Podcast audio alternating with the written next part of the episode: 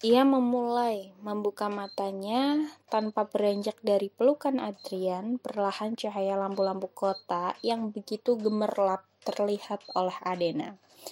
Napas gadis itu masih tidak teratur karena mengontrol rasa takutnya. Tubuhnya gemeter, namun matanya tetap membuka. Dia memaksakan diri supaya matanya tetap membuka. Memperhatikan keadaan dari tempat setinggi ini dan mencoba membuat dirinya sendiri berani. Adrian tahu Adena sudah membuka matanya. Dia bisa merasakan badan Adena menegang dan nafas gadis itu tidak beraturan.